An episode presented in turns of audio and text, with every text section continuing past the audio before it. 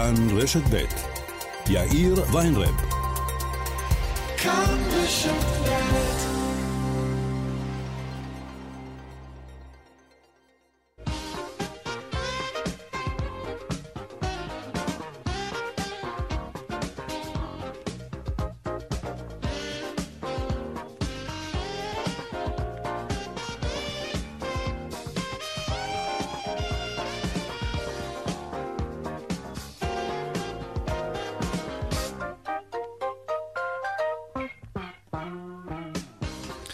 ארבע ועוד ארבע דקות, אה, קצת אחרי אפילו, כן, כאן צבע הכסף ברשת ב' יום ראשון, שלום רב לכם, שבוע טוב. אתמול, שבת, בשעות הערב, רצינו קצת ים ושקיעה, ככה, לפתוח את השבוע בכיף. אני חולה על שקיעות.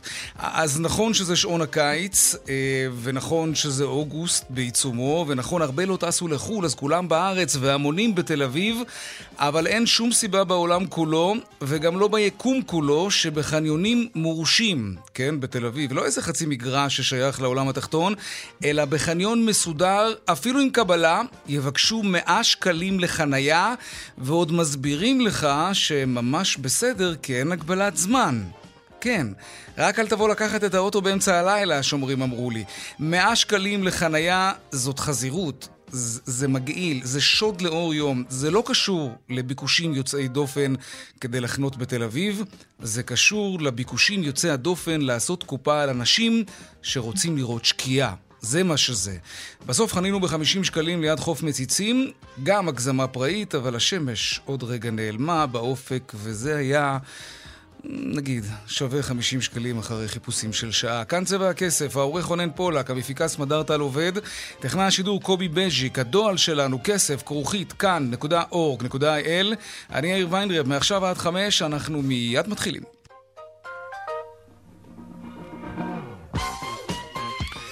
כותרות צבע הכסף ליום ראשון, עשרה ימים לפתיחת שנת הלימודים, קבינט קורונה יכונס עוד הערב כדי לדון בסוגיות הנוגעות למערכת החינוך. שלום לירן חוג'אינוב, כתבנו לענייני חינוך. שלום אה, יאיר, קבינט הקורונה התכנס הערב אה, לדיון, אפשר לומר, המכריע ביותר, עשרה ימים לפני 1 בספטמבר. שאלת התיכונים כבר אה, סגורה, גם חטיבות הביניים שם כבר יודעים, יתחילו ב-1 בספטמבר, אבל השאלה שנותרה פתוחה היא מה קורה עם גני הילדים ובתי הספר היסודיים. על זה יהיה עיקר mm-hmm. הדיון, האם אכן לפתוח ב-1 בספטמבר. שמענו גם uh, כמה שרים כבר שאומרים שזה יהיה נכון יותר לפתוח את שנת הלימודים אחרי החגים, אמרה איילת שקד, חברת uh, הקבינט, שצריך רק אחרי ראש השנה. על זה ידונו שרת החינוך וצוות משרד החינוך ילחצו מאוד על uh, ראש הממשלה בנט לאשר פתיחה בתאריך האיקוני, אפשר uh, לומר כך, ה-1 כן. בספטמבר, ובעיקר בגלל הבעיות הנפשיות והחברתיות של הילדים שלא צריכים להיות יותר בחופש, זה מה שיגידו במשרד החינוך. גם שאלת החיסונים uh, תעלה לדיון, האם אכן צריך לחסן את התלמידים בשעות הלימודים בבית הספר, הכל יוכרע הערב. כן, אנחנו נמתין בסבלנות לרן חוג'אינוב, כתבנו לענייני חינוך, תודה רבה. ובינתיים, ימים אה, אחרונים של החופש הגדול, אבל הבריכות ריקות. זה בגלל ההנחיה שנכנסה לתוקפה בסוף השבוע, ולפיה גם ילדים נדרשים להציג בדיקת קורונה בכל פעם שהם ירצו להיכנס לבריכה, למסעדה או ג'ימבורי. בהתאחדות האטרקציות מדווחים היום על ירידה של 80% במספר המבקרים. 80 אחוזים פחות במספר המבקרים, זה לא נורמלי. מיד נעסוק בכך. הממשלה אישרה היום את מינויו של יוגב גרדוס לתפקיד הממונה על התקציבים באוצר. זה קורה כמעט שנה אחרי ההתפטרות הסוערת של קודמו בתפקיד, אתם זוכרים? שאול מרידור. גרדוס בן 38 כיהן בשורת תפקידים בכירים באגף במשך 11 שנים, לרבות סגן הממונה על התקציבים בתחום המקרו. בשנה האחרונה הוא שימש כממלא מקום הממונה על התקציבים. רשות התחרות מתכוונת להעמיד לדין שתי חברות בנייה, י"ח דמרי וי' דביר, בחשד שהם זכו במרמה במיזם מחיר למשתכן בנתיבות. שלום דנה ארקצי, כתבת התחום הכלכלי שלנו. שלום יאיר. אז רשות התחרות זימנה לשימוע לפני הגשת כתבי אישום את הקבלן יגאל דמרי מחברת הבנייה ח' י' דמרי, ובכירים בחברה ואת בכירי החברה המתחרה י' דביר תוך החשד כי השניים תיאמו כי לא יתחרו אחד בשני באותם מתחמים במכרז רמות יורם לבניית מאות יחידות דיור בפרויקטי מחיר למשתכן בנתיבות, וקיבלו במרמה את הזכייה במכרז. המחיר המקסימלי שמותר להגיש הוא 6,600 אה, שקלים למטר מרובע, והמטרה של המכרז היא שכל חברה תגיש את המחיר הכי נמוך שאפשר. על פי החשד, השניים תיאמו כי הם יגישו את המחיר המרבי שנקבע למכרז, תוך שהנציג של דימרי צילם את אה, תיבת המכרזים כדי לוודא שאף אחד אחר לא מגיש, רק שניהם. זאת אומרת, הם בדקו מי מגיש, ראו שאף אחד אחר לא מגיש, אמרו, שנינו נתחרה על, אה, אה, על אה, מכרזים שונים, כאילו מתחמים שונים באותו מכרז, ונגיש את המחיר המרבי. זה החשד, כן. אוקיי? המדינה עושה פרויקט להוזלת דיור, ודווקא כאן הקבלן הגדול בישראל מתאם מחירים עם חברה נוספת כדי להגיש את המחיר המקסימלי, ובחטא י' אה, דימרי אומרים שהחברה היא שומרת חוק ולא נפל פגם בהתנהלותה, והם בטוחים שאחרי שהם... אה, אחרי שנשטח את טענותינו בשימוע בפני רשות התחרות, תתקבל ההחלטה בדבר סגירת התיק לאלתר. דנה ארקצי, כתבת התחום הכלכלי, תודה רבה על העדכון הזה, הסיפור הזה, כן. ועוד ב... נדל"ן בצבע הכסף בהמשך. באילו ערים היו עליות מחירים הגבוהות ביותר בשנה האחרונה? נדבר על כך עם מומחי הנדל"ן אוהד דנוס. וגם סוגיית העובדים הלא מחוסנים. אנחנו ממשיכים לעקוב אחרי העניין הזה. האם ניתן לכפות על עובדים לא מחוסנים להציג בדיקות קורונה כדי להיכנס למקום העבודה? אנחנו כבר יודעים שכן היו כמה כמה וכמה תקדימים בעניין הזה, וזה סופר רלוונטי בכל מקום עבודה ובעיקר במוסדות החינוך. בעוד עשרה ימים שנת הלימודים נפתחת. יש לא מעט מורים לא מחוסנים שיפגשו את התלמידים הלא מחוסנים בכיתות בגיל הרך. זה חשוב. וגם הדיווח משוקי הכספים כרגיל לקראת סוף השעה. אלה הכותרות, כאן צבע הכסף. אנחנו מיד ממשיכים.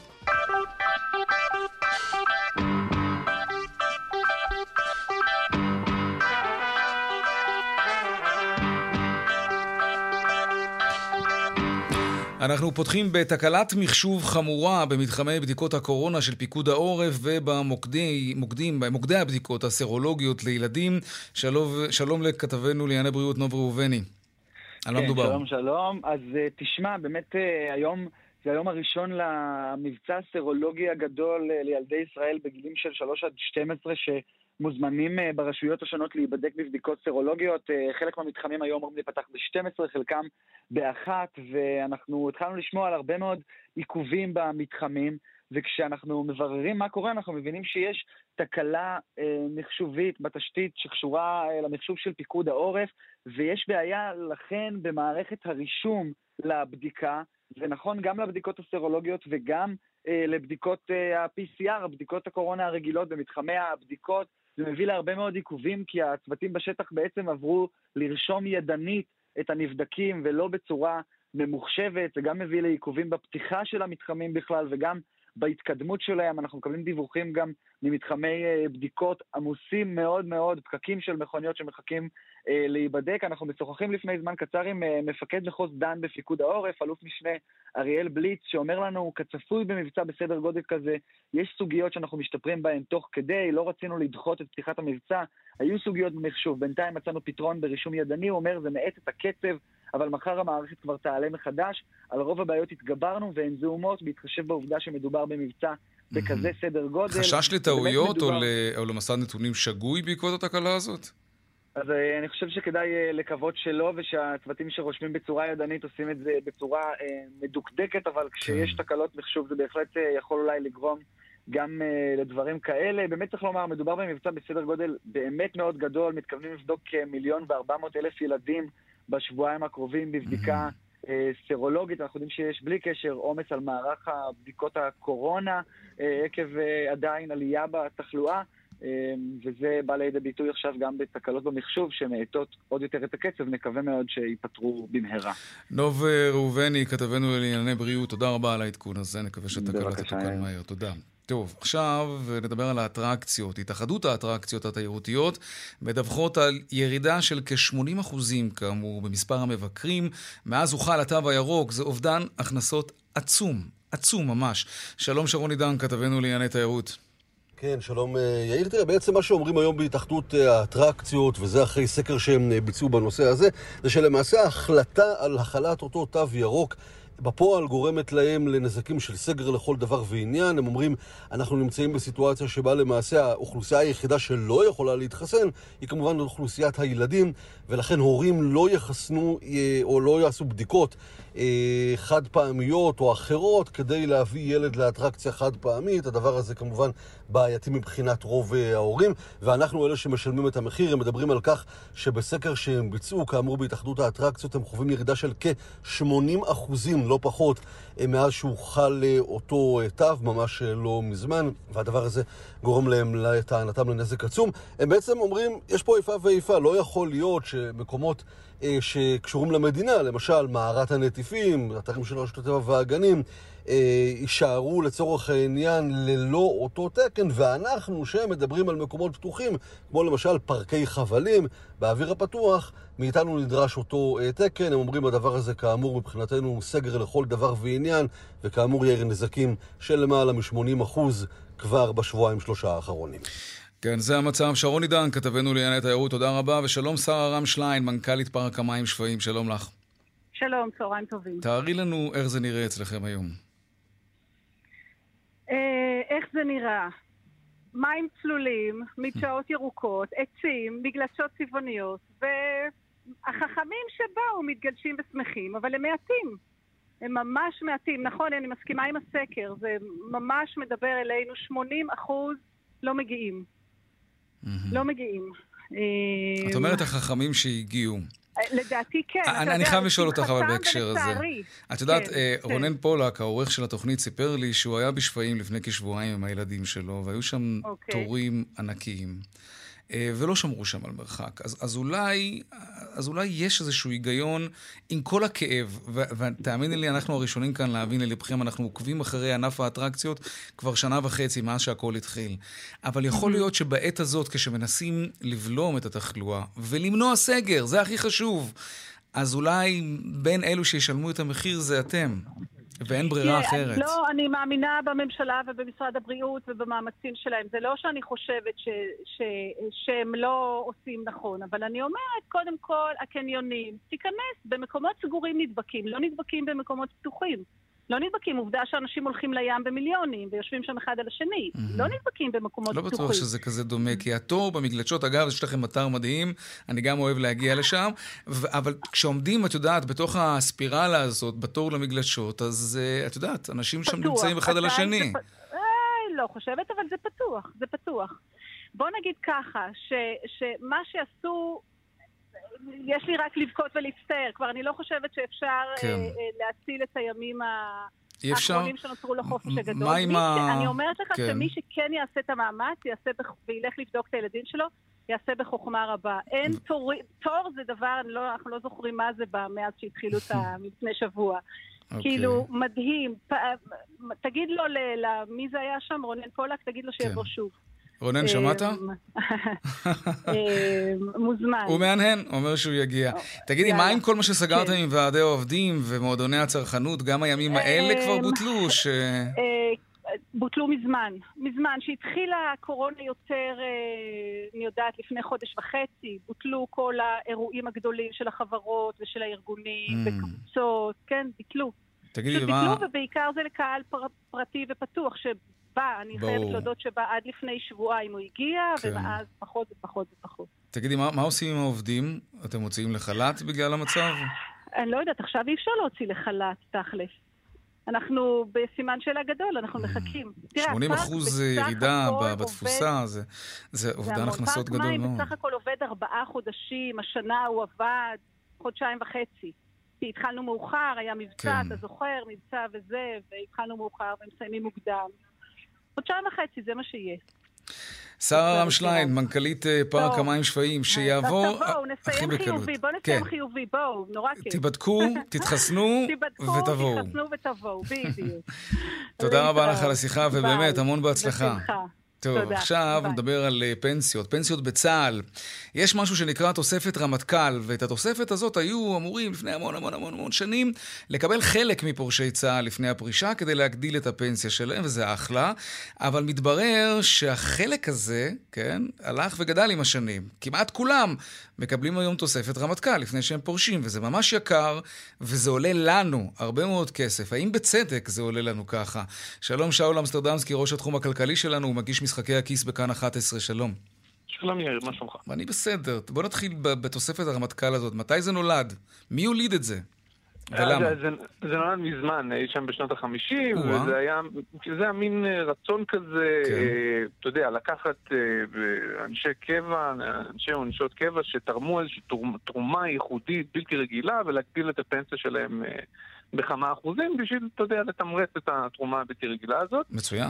וזה פשוט מעולם לא היה ככה, זה פשוט מההתחלה היה משהו שפשוט כל הפורשים מקבלים נקודה.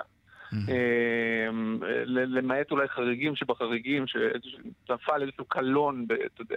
אה, אבל בגדול כולם. אה, והדבר הזה נעשה שלא כדין. זאת אומרת, לא אני אומר את זה, אלא משרד המשפטים אומר את זה, משרד מבקר המדינה אומר את זה, כי הוגש בג"ץ נגד הדבר הזה לפני אה, שנתיים, ומאז בעצם משרד המשפטים נאלץ בעצם ממש לכתוב חוות דעת אה, משפטיות מאוד קשות.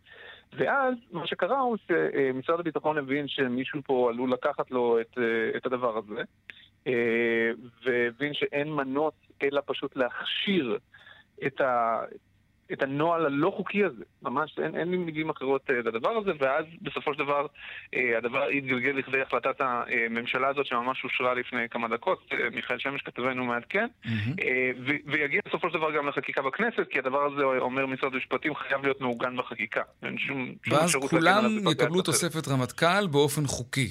אז זהו, בוא נבין שנייה משהו. זה לא שהם יקבלו, הם כבר קיבלו. כבר אין קיבלו. פה, זה מדובר על אנשי אה, פנסיה תקציבית, הם רובם המוחלט, לא כולם עדיין, חלק עוד משרתים, אבל רובם המוחלט כבר פרשו לפנסיה mm. אה, וקיבלו ומקבלים בעצם את התוספת הזאת בכל חודש וחודש, בשביל שחלילה לא ייווצר מצב מבחינת מערכת הביטחון שאותם אנשים יידרשו להחזיר כסף. או להפסיק לקבל את ההגדרה הזאת מכאן ואילך. אז איך שירו את זה? בכמה כסף מדובר, אגב? אנחנו מדברים על הרבה מאוד כסף. אנחנו מדברים לפי החישובים של משרד האוצר, רק התוספת, לא הפנסיה התקציבית, רק התוספת לפנסיה התקציבית היא אה, בעלות של יותר ממיליארד שקלים בשנה, והעלות mm. הזאת הולכת וגדלה כי אנחנו עוד לא הגענו לפיק. של העלות של הפנסיה התקציבית. סך הפנסיה התקציבית של, של צה"ל אה, עולה לו כל שנה 8 מיליארד שקלים. מתוך זה תוספת הרמטכ"ל מיליארד ומשהו. סכומים די גדולים שהיו יכולים להיות מושקעים בביטחון, אבל הם לא. נכון. תגיד, טוב, אז אנחנו יודעים שזה לא היה חוקי עד היום. אה, זה כנראה יהפוך להיות חוקי, אבל לא חוקי מצד אחד, גם לא צודק מצד שני, כי תמיד אנשי הקבע, במיוחד אלה שאחרי שהם פורשים, אומרים, תראה, אנחנו כרכנו את גורלנו את השנים הכי יפות, נתנו למערכת הביטחון. יכולנו לעשות קריירה ולהרוויח יותר במגזר הפרטי.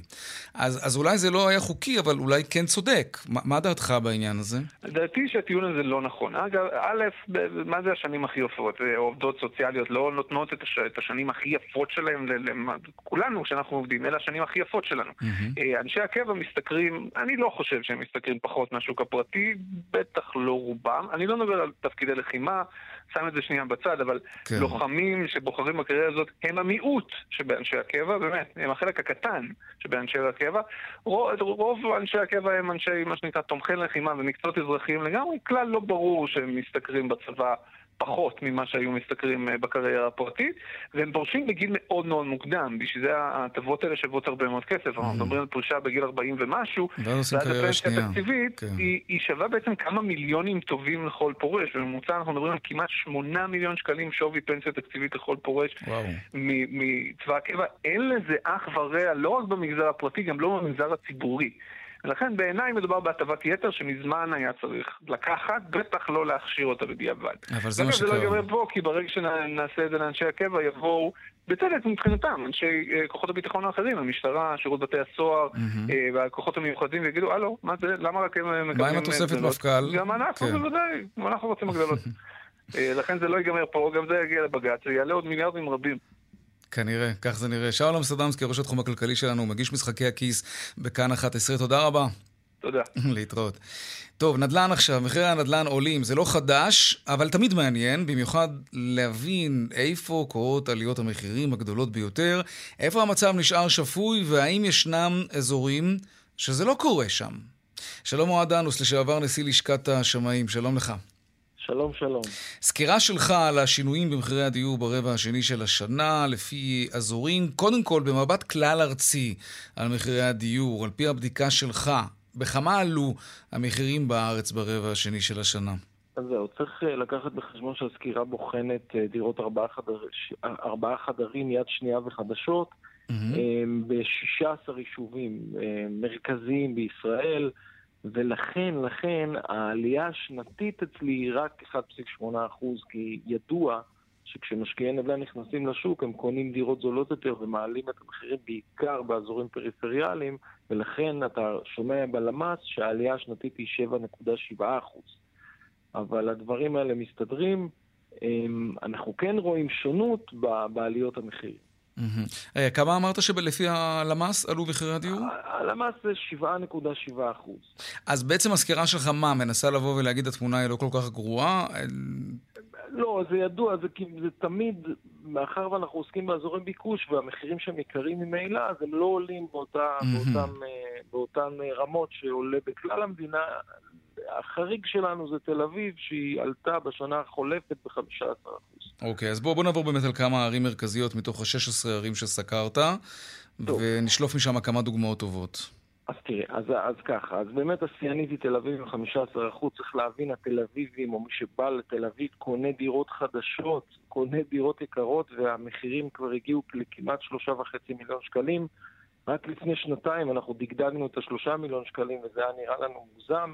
והנה אנחנו כבר בשלושה וחצי מיליון שקלים כממוצע, mm-hmm. משהו שנמכר. אגב, אתה במקום... מדבר על הרבע, בהשוואה לרבע המקביל אה, ב-2020. אה, כן, כן ב-2020. אה, ואם כן, אנחנו משווים את זה לרבע הקודם כדי לראות את המגמה? לרבעון uh, הקודם, אז אנחנו בעלייה של 7%. טוב, זה גם קפיצה, חתיכת קפיצה. כן, כי הרי המצב הוא ש, ש, ששוק הנדל"ן, בטח אצל מי שיש לו כסף, אתה יודע, היה לך מקודם בלי להיכנס כן. כמובן לקביעות ערכיות, אבל אתה יודע, המגזר הציבורי, אה, אה, מקבלי הפנסיות, אנשים, לא, יש אנשים שלא נפגעו בקורונה כמו אחרים, והם גם חסכו כסף, פחות כסף יצא. תוסיף לזה את ההכרה שחיים רק פעם אחת, ומה שהקורונה הביאה זה שטוב להשקיע בישראל וחשוב לעשות uh, החלטות מהירות, והנה לך התוצאה, כשממשלת ישראל עומדת בחוסר אונים ממול. ברור. תגיד, מה קרה בחיפה, שאנחנו רואים שיש שם ירידה במחירי הדיור? ירידה כן, של 7 אחוזים. כן, חיפה מדשדשת כבר זמן רב, היא, היא אפילו ירדה קצת, בהחלט אה, אה, כנראה יציאה של משקיעים. אמ, אמ, מהעיר, אמ, ובאמת, mm-hmm. הנה לך דוגמה לעיר שבאמת לא עלתה. אפשר לומר שגם בירושלים, אני חושב שבשנה החולפת אנחנו ב-0%, זאת אומרת, העיר לא, לא עלתה ולא ירדה. בוא נראה, ירושלים, כן. ברבע הראשון עלה ב-4%, וברבע כן. השני אה, כבר מאופס, כן. כן, מה תגיד, שמעניין מאוד, רמלה, מעניין. רמלה. כן. כן, רמלה בהחלט זה מעניין לראות מה קורה ברמלה. אתה יודע, רמלה... אה, ברגע שמתחילות... אה, רמלה, צריך להגיד, כן. רמלה, שכונות חדשות, אמ, והן מעלות את המחירים בהתאמה, ובאמת העיר עשתה מהלך יפה. כן. גם נתניה היא באותו סיפור, אמנם... אגב, רמלה, סליחה רגע, עוד לפני נתניה, זה, זה, זה מאוד קרוב לבאר יעקב, שאנחנו יודעים, גם הפכה לעיר, וגם יש שם כן. שיאי ביקוש מטורפים. שיאי ביקוש מטורפים. צריך להבין, הציבור מחפש כל הזמן את המקום הזול הבא, הטוב הבא. עכשיו, ברור שהוא הולך לאזורי ביקוש, אתה יודע, הוא פחות mm-hmm. נמצא בבאר שבע, למשל, שאנחנו רואים שהיא ירדה. נכון, גם ברבעון וגם השנה, אנחנו יודעים שיש הצפה של דירות בבאר שבע, אה, מחיר למשתכן, הסכם גג היסטורי שבאמת הביא להרבה מאוד בנייה בעיר, והדבר הזה משפיע על המחירים.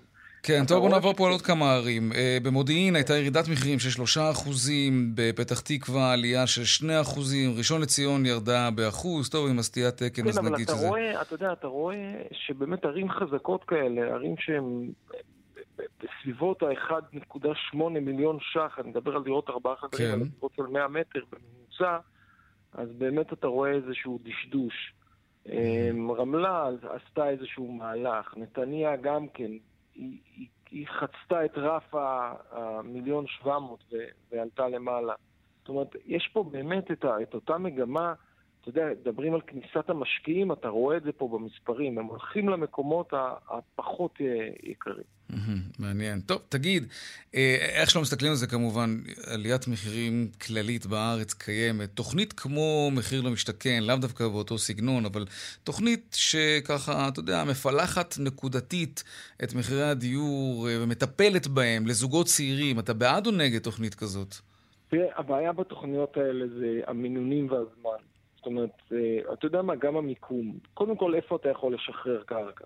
הדבר השני, ראינו שכשמשחררים במסות, הרשויות לא ששות אחרי אותם מכרזים. זאת אומרת, הדירות אה, נמכרות אולי, מוגרלות, תקרא לזה איך שתקרא לזה, אבל בסופו של דבר צריך להוציא היתר בנייה ולמכור את הדירות האלה, וכשמדברים במסות אנחנו רואים שזה מתפרס על פני זמן, ואז זה מאבד את האפקטיביות של, של זה. באופן עקרוני, לתת איזושהי הטבה לזוגות צעירים, לתת אה, הטבה למעמד הביניים, מחוסרי דיור, אני בהחלט בעד. אה, לעשות את זה בצורה חכמה, לדעת גם אולי לעזור למשפרי דיור, כאלה שאין להם, כאלה שהדירה 80-70 אחוז שייכת לבנק, אז בהחלט יש מקום אה, אה, לחשוב על זה. הבעיה היא שכרגע המדינה לא יודע כמה היא יכולה לרתום את המשאבים שלה לטובת שוק הנדל"ן, כשאנחנו נמצאים בגירעון ההיסטורי שאנחנו נמצאים בו. זאת אומרת, עד כמה יש לה את הכלים היום לטפל במשבר. אני מזכיר, כשכחלון נכנס, המצב של המשק היה טוב. עכשיו, בגלל הקורונה, המצב הוא היסטורית אה, לא טוב. אז השאלה, עד כמה הממשלה תחשוב שזה הדבר שהיא צריכה לטפל בו. בין סגר לסגר, או בין איום סגר כזה. כן, זה קצת נדחק הסיפור הזה. טוב. כן, כן. טוב, אנחנו רואים גם באשדוד עלייה של שלושה אחוז. אה, זה צריך לומר, כן, גם עיר שחטפה בסבב הלחימה האחרון. כן, אשדוד, אשקלון, עלו יפה. תשמע, הם עיר, אה, ערים מאוד עוצמתיות, יש בהם כמות עסקאות מאוד מאוד גדולה. הנפח עסקאות שם באשקלון הוא חסר תקדים לגודל של העיר. אתה רואה את זה כל, כל הזמן, בכל הסקירות. אמ, כן, אתה יודע, כמו שאמרתי, אנשים חוזרים כל הזמן לדבר הזול הבא. הם כן קונים, ב... יש איזושהי תפיסה של לקחת יותר מטראז' כן. בכסף, אוקיי. ו... וזה מתבטא במספרים. אה, אוהד אנוס, נשיא לשכת השמאים לשעבר, תודה רבה לך. תודה, תודה. דיווחי תנועה עכשיו. טוב, אז ככה, בדרך החוף צפון העמוס ממחלף פולג עד מכמורת, ובדרך 6 לכיוון צפון עמוס ממחלף ניצני עוז עד בקה, ובהמשך ממחלף עירון עד אליקים. באיילון צפון העמוס מלגוארדיה עד השלום ודרומה, מרוקח עד לגוארדיה. בדרך תל אביב-ירושלים עמוס ממחלף לטרון עד שער הגיא. עדכוני תנועה נוספים בכאן מוקד התנועה, כוכבי 9550, ובאתר שלנו, אתר התאגיד, אתר כאן. הפסקת פרסומות קצרה, ומיד אנחנו חוזרים עם עוד צבע הכסף. 34 דקות אחרי השעה 4, עכשיו נדבר על חברת קסטרו שהיא מתרחבת, נדבר גם אה, כי עסקים שמתרחבים בתקופה הזאת זה מעניין, אה, אולי אפילו לא מובן מאליו, אבל יש עוד כמה נושאים לפני זה ששווה לדבר עליהם בהקשר של הרשתות הגדולות והמצב הכלכלי בכלל. שלום רון רוטר, מנכ"ל קבוצת קסטרו, אודיס, שלום. שלום. לפי הקולות שאנחנו שומעים היום ובסוף השבוע, נראה שהסגר אה, מתרחק. זה מעודד, ואתם בטח נושמים לרווחה, לא? אנחנו כמובן מאוד שמחים, גם כאזרחים אה, אנחנו רוצים לראות את הגל הזה נשבר, וכמובן שמבחינה עסקית אנחנו נשמח שלא יהיה סגר ונוכל לחגוג החג הזה כמו שצריך. אוקיי. כמה עובדים יש בקסטרו? אנחנו עם למעלה מ-4,000 עובדים. ומחפשים עוד מאות, מאות עובדים שיצטרפו אלינו אה, לרגל ההתרחבות, גם בקסטרו, גם באורבניקה. אז באמת התקופה היא תקופה של צמיחה. אנחנו היום השקנו את אה, רשת קסטרו הום, רשת חדשה לכלי בית, ובאמת ממשיכים בפיתוח של החברה. תגיד, לגבי העובדים, אה, אתה נתקל בבעיות של עובדים שלא לא מוכנים להתחסן? זה עניין שמעסיק היום הרבה מאוד מקומות עבודה. אני חייב להגיד לך שאצלנו בחברה הרוב המוחלט של העובדים אה, בחר להתחסן, אני כמובן אה, מאוד שמח על כך. אה, ואנחנו לא רואים בעיה בנושא הזה. צעירים, מבוגרים. ממש הרוב המוחלט בחר להתחסן. ואוקיי, מוחלט, אבל, אבל לא מאה אחוז. מה, מה, מה המדיניות שלכם לגבי עובדים שלא מתחסנים? אנחנו עוד מעט נעסוק בזה בהרחבה כאן בצבע הכסף, אבל מעניין לדעת. אנחנו פועלים אה, בהתאם אה, להוראות התו הירוק בחנויות שלנו, ולכן אה, הכניסה של עובדים היא או עם הם מחוסנים, או במידה והם החלימו, ואם לא, אז הם מציגים בדיקה שמציגה שהם באמת לא חולים, על מנת לשמור קודם כל על הבריאות של כל העובדים שלנו, וצריך לזכור, אנחנו משרתים עשרות אלפי לקוחות ביום, ויש לנו אה, הכרח לשמור גם על הבריאות של הלקוחות שלנו. כן, ואני, בוודאי. ואני גם חייב להגיד לך שאני רואה באמת... אין, אין לנו בכלל אה, בעיות בנושא הזה. העובדים mm, שלנו מבינים, ואלה שלא התחסנו אה, מציגים את הבדיקות. הזכרת, רון, את אה, קסטרו הום, החלטתם בעצם להתחרות בפוקסום וב-H&M הום. התלבטתם אם להיכנס לתחום הזה דווקא עכשיו, כשהכל כל כך לא ברור, ו- ואולי סגר, ומצב כלכלי שעדיין לא חזר להיות כפי שהיה ערב המגפה. היו התלבטויות? האמת שלא היו לנו התלבטויות, אני חייב גם להגיד שההחלטה כבר התקבלה אה, לפני למעלה משנה, בתקופה הרבה יותר אה, של אי-ודאות, אבל אה, כשיש אסטרטגיה, ואתה מאמין שהאסטרטגיה היא נכונה, צריך להמשיך ולהוציא אותה לפועל, ואני שמח שכך עשינו, ובאמת האיתנות שלנו, הפיננסית, אפשרה לנו להמשיך על אף האי-הוודאות. השקנו עם סדר גודל של 14 חנויות בפריסה ארצית, מהצפון ועד הדרום, אתר אינטרנט, השקעה מאוד מאוד גדולה. אבל אני מאוד uh, שמח על כך, ואנחנו נמשיך לפתח ולצמוח.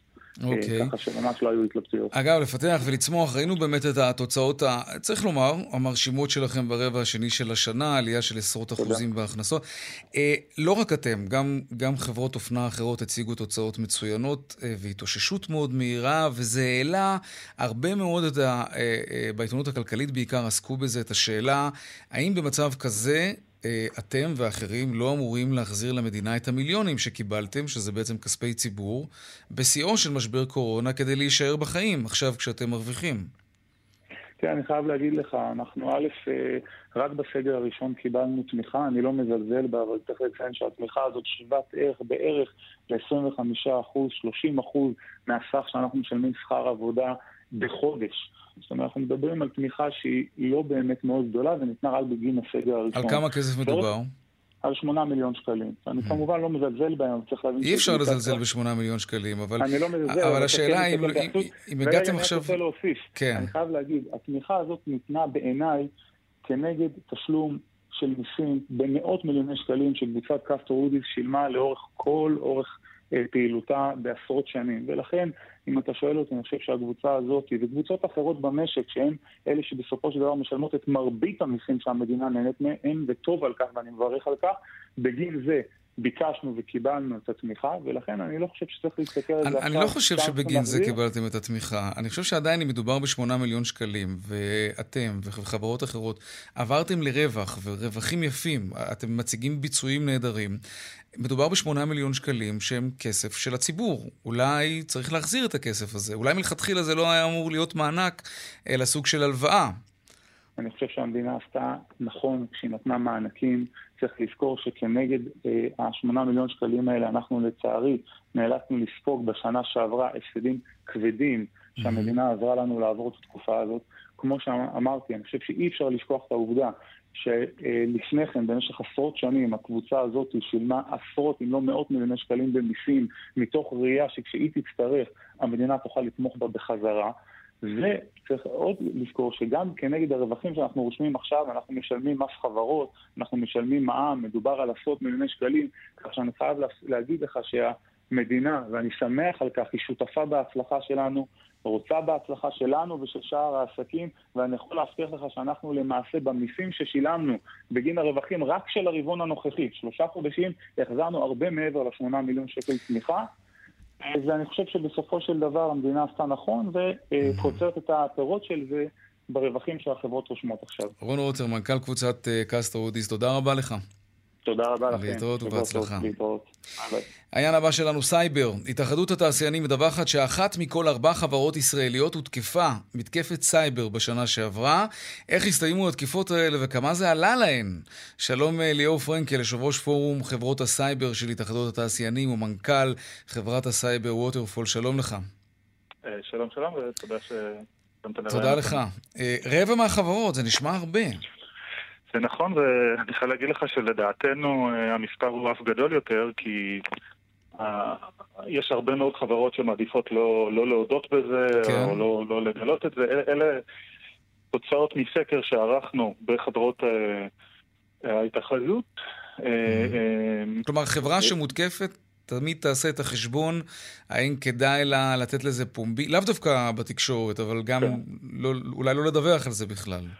אה, כן, תמיד יש את השיקול הזה, גם, אה, גם כדי אה, לא לפגוע בתדמית של החברה, כן. ולפעמים זה עניין אפילו ברמה כזאת. מותר אגב להסתיר מידע כזה? למעט אם יש בסקטור ספציפי איזושהי מחויבות רגולטורית, וזה המצב ברוב, אז כן, כן, זה בסוף איום שקיים לחברה כמו איומים אחרים, לא על כל דבר חייבים ללכת ולדווח, גם, גם okay. לא על אוקיי. איום כזה. גם לא על... תגיד, איפה אנחנו ביחס למדינות אחרות? אנחנו אטרקטיביים יותר בשביל ההאקרים, התוקפים?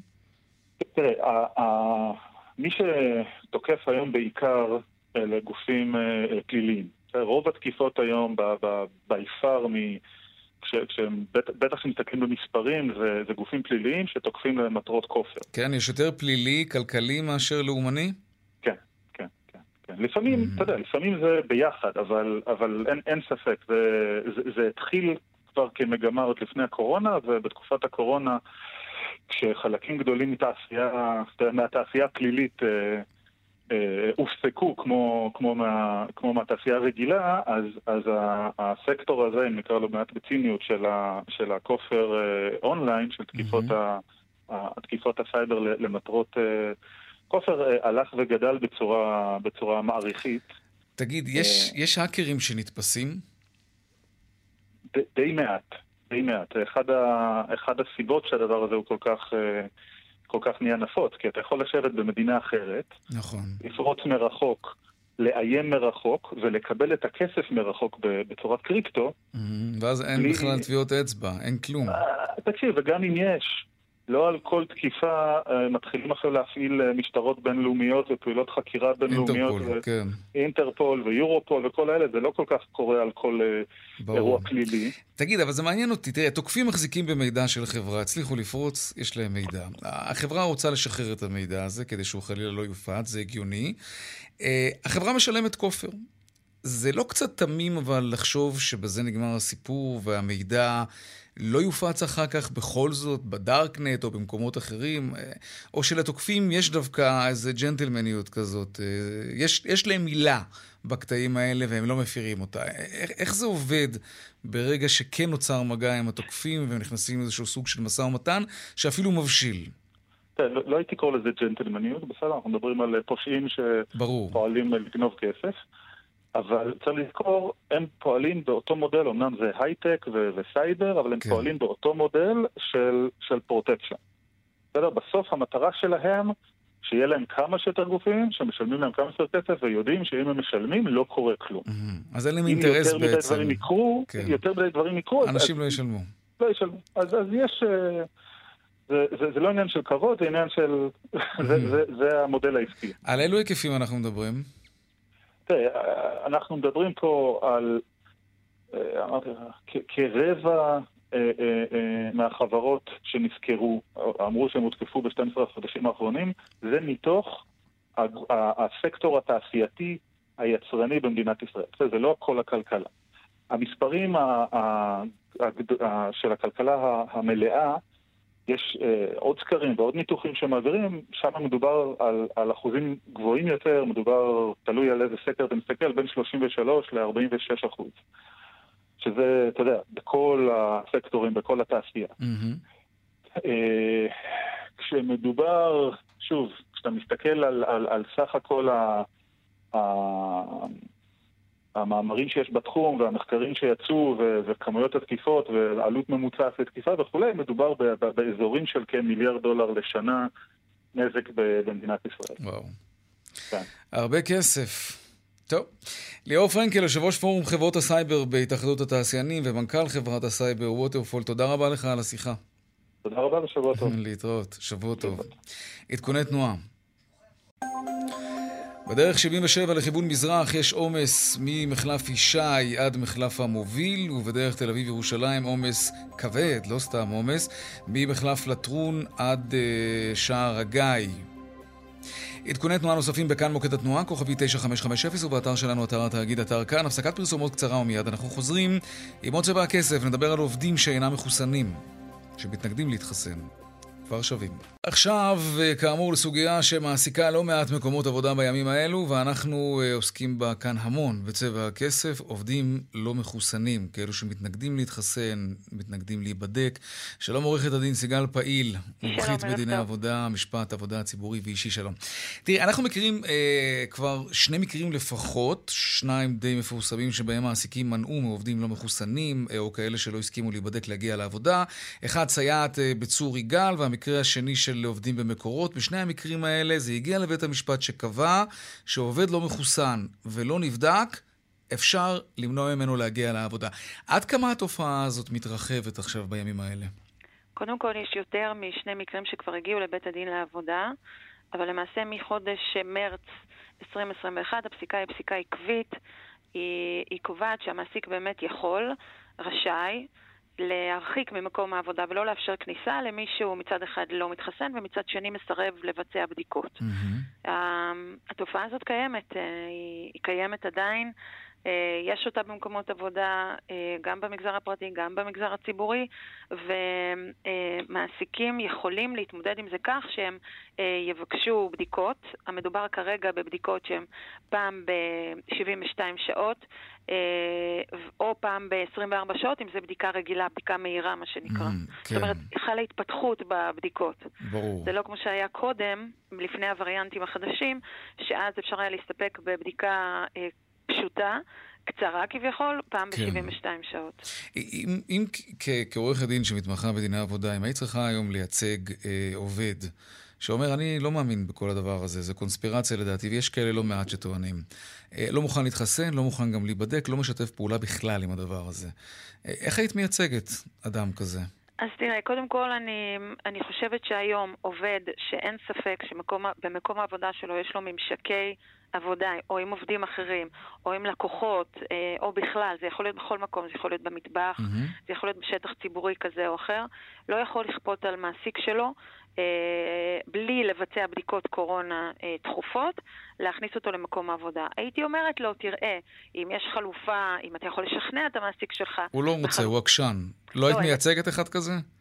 אם, אז, אני, אז אני אומר, אם אפשר למשל לבצע את העבודה בבית בלי שום בעיה, אה, אם יש כמובן מגבלה רפואית, ואז מה שאמרתי קודם לא חל מן הסתם. ברור. אה, אלה מקרים שבהם אה, באמת עובד יכול, אבל כרגע הברירות האלה מאוד מאוד מצטמצמות עד כדי חריץ mm-hmm. קטנטן ואפסי, ואני חושבת שבסך הכל...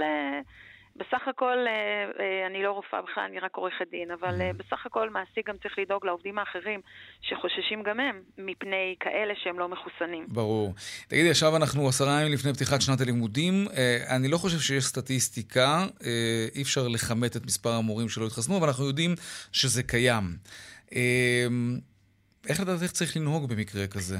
אז אה, ארגון המורים העל-יסודיים אמר את דברו בהקשר הזה שמורים צריכים להתחסן גם, גם בשביל עצמם קודם כל, וכמובן בני משפחותיהם והילדים שחשופים להם.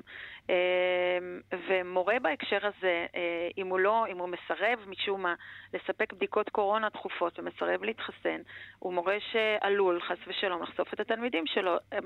משרד החינוך וגם הרשתות שמעסיקות עובדי הוראה לא יכולים להרשות לעצמם חשיפה כזו של מורים בכל הצער. Mm-hmm. ברגע שיש חלופה, והיא חלופה אפשרית, היא, היא לא נוחה כמובן, אבל היא חלופה של בדיקות uh, קורונה, אז מי שמסרב להתחסן, וזה שלו, אה, וזה, אה, אף אחד לא יכול היום, לשמחתי במדינה דמוקרטית, לחייב חיסונים, אבל בהחלט יכול לחייב לעשות בדיקות, או שאי אפשר להיכנס למקום mm-hmm. העבודה. תגידי, אני, אני רוצה לשאול אותך כזאת שאלה. עובד שמסרב להתחסן או להיבדק, ובינתיים מקום העבודה לא עושה עם זה שום דבר, כי, את יודעת, מקומות עבודה עוד לא ממהרים לעשות כל מיני, מכל מיני שיקולים, בגלל מחסור בעובדים וכולי. קרה שעובד כזה, כן, מדביק את חבריו לעבודה. האם מתנגד החיסונים או מקום העבודה, האם הם חשופים לתביעה מצד העובדים על כך שהם קיבלו סביבת עבודה לא בטוחה לעובדים? האם מורים חשופים לתביעה אם הם יסרבו להתחסן ויגיעו ללמד? אה, אני לא יכולה להגיד שלא. אנחנו עכשיו בחיתולי הרכיבים האלה, הוגשו כן. תביעות ראשוניות. אנחנו בחיתולי הסיפור הזה, אבל ברגע שיש לך ברירה, והיא ברירה זולה ואפשרית, אה, וכרגע אפילו מומלצת על ידי משרד הבריאות, וזה להתחתן, סליחה, גם, כאילו, יש כאלה לא, שאומרים שזה לא, לא מומלץ, אבל את יודעת. אני לא מהממליצים בתחום הזה. אבל, אה, אבל יש בדיקות, אין בדיקות נגד חתונה, אבל יש בדיקות בהקשר הזה שמחליפות. אז, אה, אז אין, אין בעצם תירוץ, אתה לא יכול לבוא ולומר, זו אמונתי, ולכן אני עומד על זכותי להדביק אחרים. אגב, הנתונים, אם אני מבינה אותם נכון, כי שער אדם אני צופה בזה כל ערב, כן. אני רואה שהנתונים באמת, אלה שאם אני מבינה נכון מהפרסומים, באמת אלה שמחוסנים, הם יותר עמידים, ויש להם סיכון פחות כן, אה, גבוה כן. לחלות, מח... נכון. לחלות uh, באופן קשה. Mm. ולכן זה לא סתם. העמידה הזו על זכות העובדים שלא להיות uh, חשופים לחולי קורונה היא... היא חשובה וחיונית. אוקיי. עורכת הדין סיגל פעיל, מומחית בדיני עבודה, משפט עבודה ציבורי ואישי, תודה רבה לך על השיחה תודה הזאת. תודה רבה לך. אנחנו נמשיך לעסוק בסוגיה הזאת בימים הקרובים, בטוח. עכשיו לדיווח משוקי הכספים. 102, 200, take them. שלום ושבוע טוב, רונן מנחם, כלכלן ראשי בנק מזרחי טפחות. מה קורה? שבוע טוב יאיר, אה, תל אביב 35 פתח היום במגמה חיובית עם עלייה של 43 מאיות, תל אביב 90 עלה 26 מאיות, אה, מדע תל אביב בנייה פלט היום עם עלייה של אחוז אחד וארבע עשיריות, גם מניות הבנקים והנדל"ן אה, לסוגיו עלו יפה, היחידים שירדו היום קצת היו ענפי הקלינטק, הנפט והגז. בשוק אגרות החוב ראינו היום נטייה קלה לעליות, במיוחד של טלבון צמוד של תשע מאיות. עכשיו מחכים להודעה של בנק ישראל מחר, שככל הנראה הריבית תישאר ללא שינוי על רמה של אה, עשירית האחוז. אה, ולסיום, שער השקל דולר נקבע ביום שישי על שלושה שקלים 24 אגורות וחמש עשיריות. רונן מנחם, כלכלן ראשי, בנק מזרחי טפחות, תודה רבה לך על הסקירה הזאת.